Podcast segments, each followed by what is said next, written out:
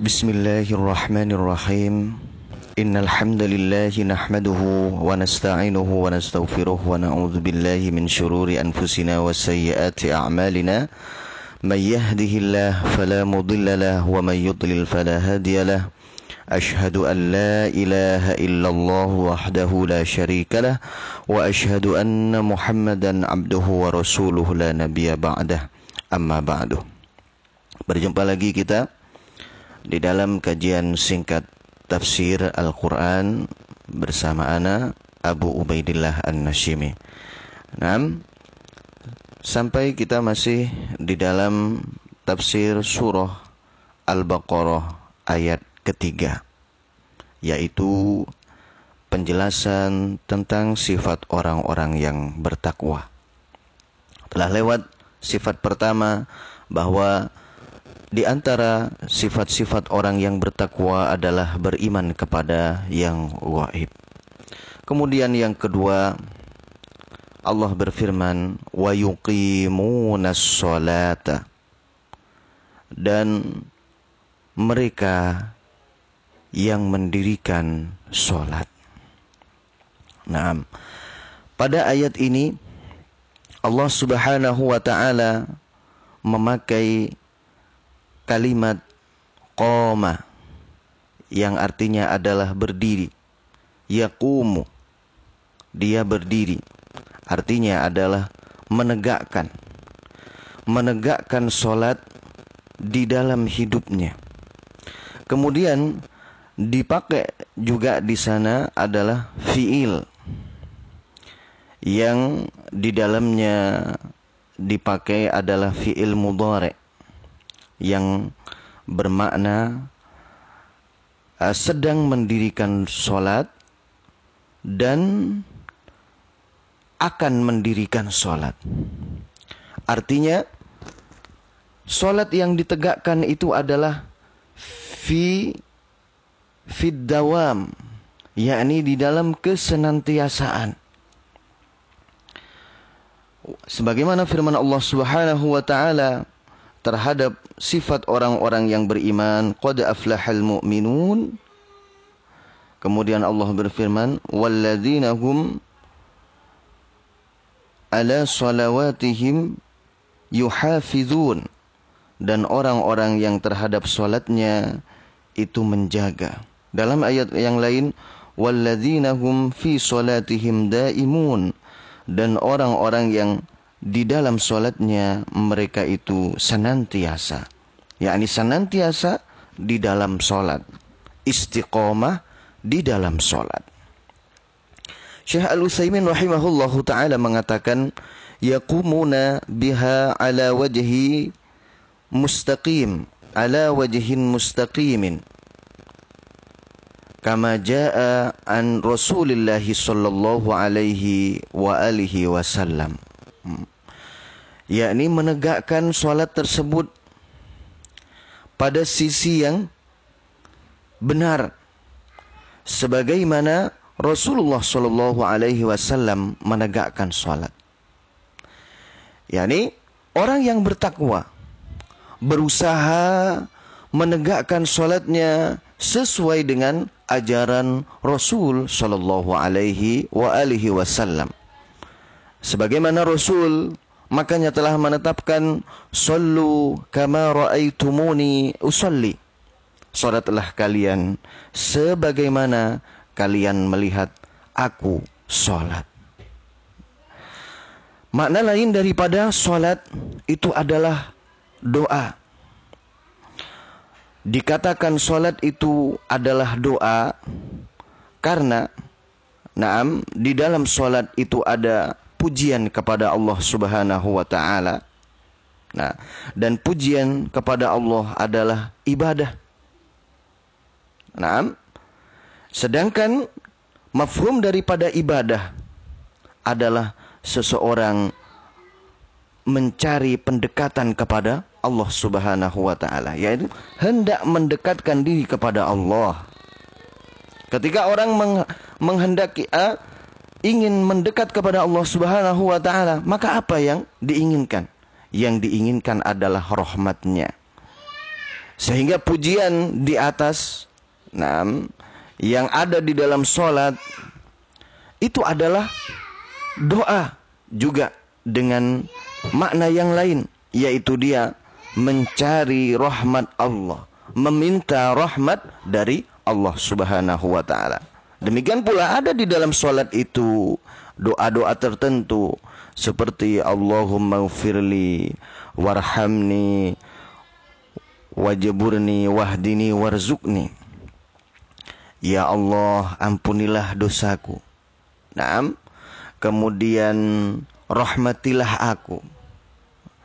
Kemudian tutupilah aibku. Berikanlah kesehatan kepadaku. Berikanlah rizki kepadaku. Ini adalah doa. Nah, doa kita kepada Allah Subhanahu wa taala. Sehingga dalam sholat ini mencakup dua. Pertama doa ul mas'alah, kemudian kedua doa ul ibadah. Doa yang bermakna permintaan, yang kedua doa yang bermakna ibadah. Nah, itu adalah sholat. Hmm. Sifat orang-orang yang bertakwa adalah mereka yang menegakkan sholat juga. Dengan sholat yang benar, kita dibimbing oleh Allah Subhanahu wa taala untuk menjadi orang yang benar di dalam kehidupan ini. Sehinggalah Allah Subhanahu wa taala mengatakan di dalam surah Al-Ankabut Inna salata tanha anil fahsyai wal munkar Sesungguhnya salat itu dapat mencegah seseorang dari perbuatan keji dan mungkar. Kenapa demikian? Dikarenakan di saat dia sholat menghadap kepada Allah subhanahu wa ta'ala. Dia mengangkat tangannya di saat bertakbir Allahu Akbar. Kemudian dia bersedekap itu bertanda bahwa dia berserah diri kepada Allah subhanahu wa ta'ala. Nah, tangan dan tubuhnya yang digunakan untuk berserah diri kepada Allah subhanahu wa ta'ala di saat dia menghadap, tentunya dia tidak ingin tangan yang dihadapkan kepada Allah kotor dengan kezaliman, dengan mencuri harta seseorang dan seterusnya. Demikian pula mulutnya di saat berdoa. Di saat dia ingat bahwa mulutnya hendak dijadikan ibadah, berdoa memuji Allah Subhanahu wa taala, maka tentu di saat dia berbicara, dia ingat bahwa mulut ini dijadikan untuk memuji Allah, zat yang agung, zat yang maha suci. Maka tidak pantas kiranya dia berbicara dengan sesuatu yang tidak diridhoi oleh Allah Subhanahu wa taala. Di saat dia bersujud menampakkan bahwa dia adalah manusia yang lemah, sama seperti tanah dan akan kembali ke tanah. Betapapun dia adalah seorang manusia yang senantiasa butuh kepada Allah Subhanahu wa taala. Nah, itulah kandungan dan makna yang ada di dalam sholat yang merupakan bagian dari kebiasaan atau amaliyah orang-orang yang bertakwa. Hmm. Kemudian yang selanjutnya adalah wa mimma razaqnahum yunfikun dan dari apa-apa yang kami rizkikan kepada mereka mereka menafkahkannya Nah, di sini Allah Subhanahu wa taala memakai kata min. Artinya adalah sebagian. Tidak semuanya. Menunjukkan bahwasannya agama menetapkan kewajiban kepada manusia itu tidaklah sesuatu yang dibebankan yang tidak mampu untuk dipikul oleh manusia. Sehinggalah nafkah yang wajib, ya, zakat yang wajib itu hanya sebagian. Seperti di bulan Ramadan itu ada hanyalah dua setengah dari makanan pokok yang biasa kita makan setiap hari. Yaitu dua setengah gram. Kemudian di dalam harta zakat mal itu juga hanya dua setengah persen saja dari 85 gram yakni naam hanya dua setengah gram saja yang dizakatkan. Itu semua adalah merupakan bagian daripada yang ditetapkan oleh Allah Subhanahu wa taala. Demikian pula bagi orang yang sadar. Nah, maka ayat ini nah, mulai dari bahwa sifat orang-orang yang bertakwa itu alladzina yu'minuna bil ghaibi wa yuqimuna sholata wa mimma razaqnahum yunfikun. Orang-orang yang bertakwa itu adalah orang-orang yang beriman kepada yang gaib, mendirikan sholat, dan dari apa-apa yang kami karuniakan kepada mereka, mereka menafkahkan di jalan Allah Subhanahu wa taala. Ayat ini membangun mendidik dari Allah Subhanahu wa taala tentang ketakwaan. Bahwa orang yang bertakwa sungguh dia tidak akan dikatakan takwa ketika hatinya tidak beriman. Ketika hatinya tidak beriman kepada Allah Subhanahu wa taala. Ketika hatinya tidak beriman kepada sesuatu yang gaib yang dikabarkan oleh Allah Subhanahu wa taala. Kemudian yang kedua, iman. Itulah itu tidak diakui ketika tidak disertai dengan perbuatan memperbaiki diri utamanya menghadap kepada Allah Subhanahu wa taala meminta petunjuk kepadanya banyak berdoa. Nam, dikarenakan kehidupan manusia senantiasa bersinggungan dengan hal-hal lain yang dapat memalingkan, yang dapat menjadikan dia lupa, sehingga mungkin dengan hal tersebut imannya akan tumbang, akan hilang, sehingga haruslah dijaga dengan apa? Dengan sholat menghamba kepada Allah Subhanahu wa taala. Tanpa sholat iman tidak dipandang. Tanpa sholat takwa tidak dinobatkan kepada dirinya.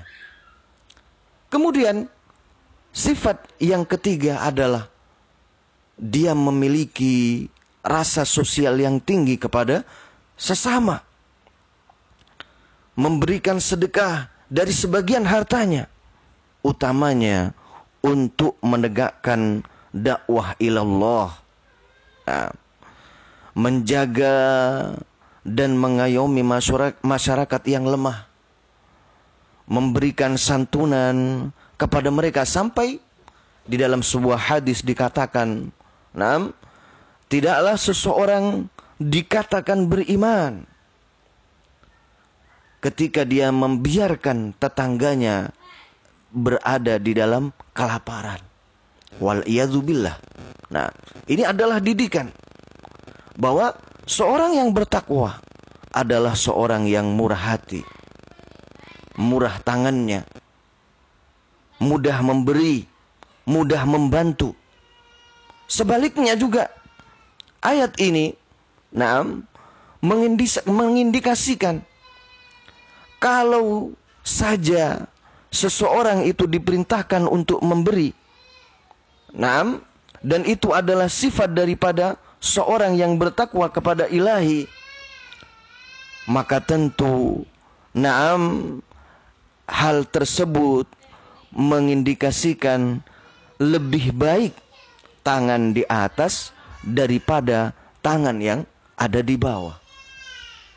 Artinya, seorang yang bertakwa hendaknya berusaha memberi daripada meminta.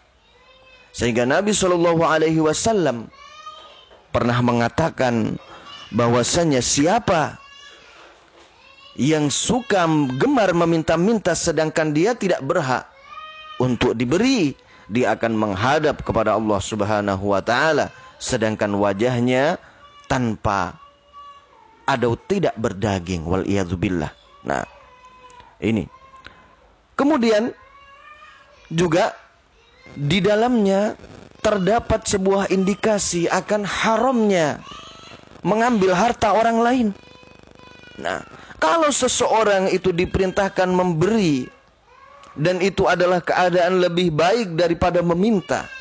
Lebih-lebih lagi apabila mencuri, mengambil hak milik orang lain. Lebih-lebih lagi itu. Korupsi terhadap dana-dana pemerintah yang merupakan bantuan dan dihakkan untuk rakyat. Apalagi itu. Nah, maka orang-orang yang bertakwa jauh dari yang demikian. Nah, orang-orang yang bertakwa adalah orang-orang yang istiqomah di dalam amalan sesuatu yang diperintah di dalam agamanya kemudian memiliki rasa sosial yang tinggi berkeinginan untuk membantu dan menghindari untuk meminta dan menghindarkan orang lain dari meminta. Jangan sampai sebagai orang yang bertakwa kemudian membiarkan tetangganya kelaparan sampai dia meminta. Ini menyelamatkan.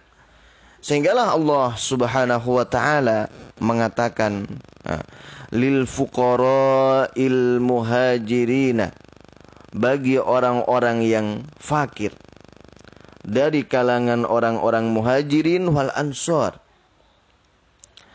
di mana la yastati'una darban fil ardi yahsabuhumul jahilu aghniya'a minat ta'affuf. Orang-orang fakir ini adalah orang-orang yang mereka itu tidak mempunyai kemampuan finansial untuk memenuhi kebutuhan hidupnya. Akan tetapi mereka terlihat seperti orang kaya. Bajunya tetap bagus-bagus, ya penampilannya tetap tidak seperti orang yang kelaparan. Apalagi dia mau minta kepada orang lain. Minat ta'afuf. Mereka menjaga diri untuk meminta-minta. Itu sifat orang yang beriman. Kalau kemudian ada orang yang beriman minta, itu dikarenakan apa? Sudah dalam keadaan sangat terpaksa sekali. Hmm. Maka itu adalah merupakan tanda dari kekurangan saudara-saudaranya yang kaya. Nah, sehingga Allah Subhanahu wa taala mengatakan apa? Wa huwallazi ja'alakum khalaifal ardi wa rafa'a ba'dakum fawqa ba'din darajatil liyabluwakum fima atakum. Hei manusia, dialah Allah yang telah menjadikan kalian khalifah di muka bumi ini. yakni dari generasi ke generasi saling bergantian.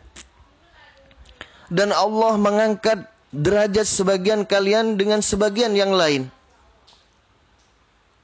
Lebih tinggi. yakni bertingkat-tingkat. Apa gunanya? Liya beluakum fima atakum. Untuk menguji dari apa-apa yang telah diberikan oleh Allah Subhanahu wa taala kepada kalian. Demikian Allah Subhanahu wa taala di dalam surah Al-An'am yang kemudian ditutup wa inna rabbaka ladzu maghfirati wa dzu iqabin alim dan sesungguhnya Tuhan kalian itu adalah zat yang memiliki ampunan dan juga siksa yang teramat pedih. Ketika kita tidak bisa memanfaatkan dengan benar apa yang diberikan oleh Allah Subhanahu wa taala berupa kelebihan, maka di sanalah siksa Allah Subhanahu wa taala akan datang. Bagi siapa yang diberi oleh Allah Subhanahu wa taala kelebihan dan bisa menjalankannya dengan baik, mengendalikannya dengan baik, maka Allah Subhanahu wa taala akan memberikan ampunan. Sedangkan ampunan itu adalah sesuatu yang senantiasa kita butuhkan di dalam kehidupan kita. Di mana setiap dosa itu ada sanksinya. Tidak di dunia, tidak pula di akhirat kelak. Semuanya tidak bisa ditebus kecuali dengan siksa dari Allah Subhanahu wa taala. Karena itu kita butuh yang namanya ampunan. Sehingga, nah, harus mempunyai rasa sosial yang tinggi sebagai seorang yang bertakwa. Siapa yang memiliki kelebihan, maka hendaknya dia membantu mereka yang keadaannya kekurangan. Dan ini, naam, tidak harus seseorang itu melihat karena dia meminta. Tetapi dilihat dari keadaannya. Dari keadaan tempat dia bekerja. Seseorang itu sudah bisa melihat berapa penghasilannya. Bagaimana kehidupannya. Berapa kebutuhannya. Nah jangan sampai uh, kita mendapati orang-orang yang dalam kekurangan tersebut meminta kepada kita. Karena jika demikian, sebagai seorang yang bertakwa, harusnya kita punya rasa malu kepada Allah. Kenapa orang yang miskin, yang beriman, sampai meminta kepada kita? Wal billah. Nah, sehingga siapa yang punya kelebihan, punya kelebihan harta, bantu dengan harta. Punya kelebihan tenaga, bantu dengan tenaga punya kelebihan ilmu, bantu dengan ilmu. Siapa pun yang memiliki kelebihan, maka hendaknya dia membantu saudaranya yang kekurangan di dalam suatu apa pun yang membutuhkan bantuan di dalamnya. Itulah rasa sosial yang tinggi sebagaimana kita artikan wa mimma razaqnahum yunfikun dan dari apa-apa yang kami karuniakan kepada mereka. Nah, kita artikan Rozakona, rizki di sini berupa karunia. Karena banyak orang memahami rizki itu adalah dari segi harta saja. Padahal tidak. Nah, rizki, kata para ulama, adalah bagian daripada sesuatu yang diberikan oleh Allah Subhanahu wa taala yang bermanfaat bagi seseorang. Dan ini umum. Bisa rizki berupa harta benda. Nah, bisa rizki berupa kesehatan, bisa rizki berupa kesejahteraan, bisa juga rizki berupa ilmu, pengetahuan. Itu semua adalah rizki. Nah, seseorang yang tidak tahu berkewajiban mengajari orang yang bodoh. Ya. Orang yang punya ilmu berkewajiban mengajari orang yang bodoh. Orang yang berharta berkewajiban membantu yang miskin.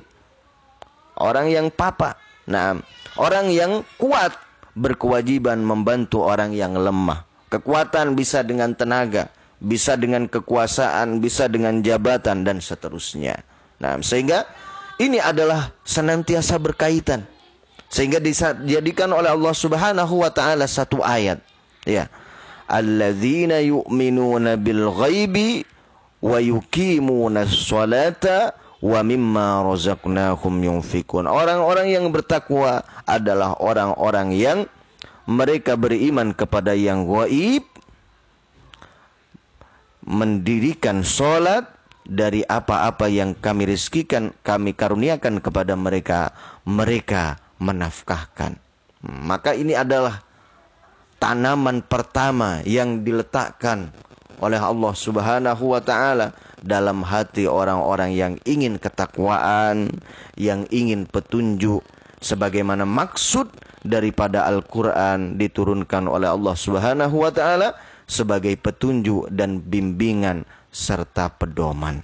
Nah, inilah akhir tafsir daripada ayat ketiga dalam surah Al-Baqarah. Nah, kita lanjutkan besok pada ayat berikutnya yaitu ayat keempat. Subhanakallahumma wa bihamdika asyhadu an la ilaha illa anta astaghfiruka wa atubu ilaik. Wassalamualaikum warahmatullahi wabarakatuh.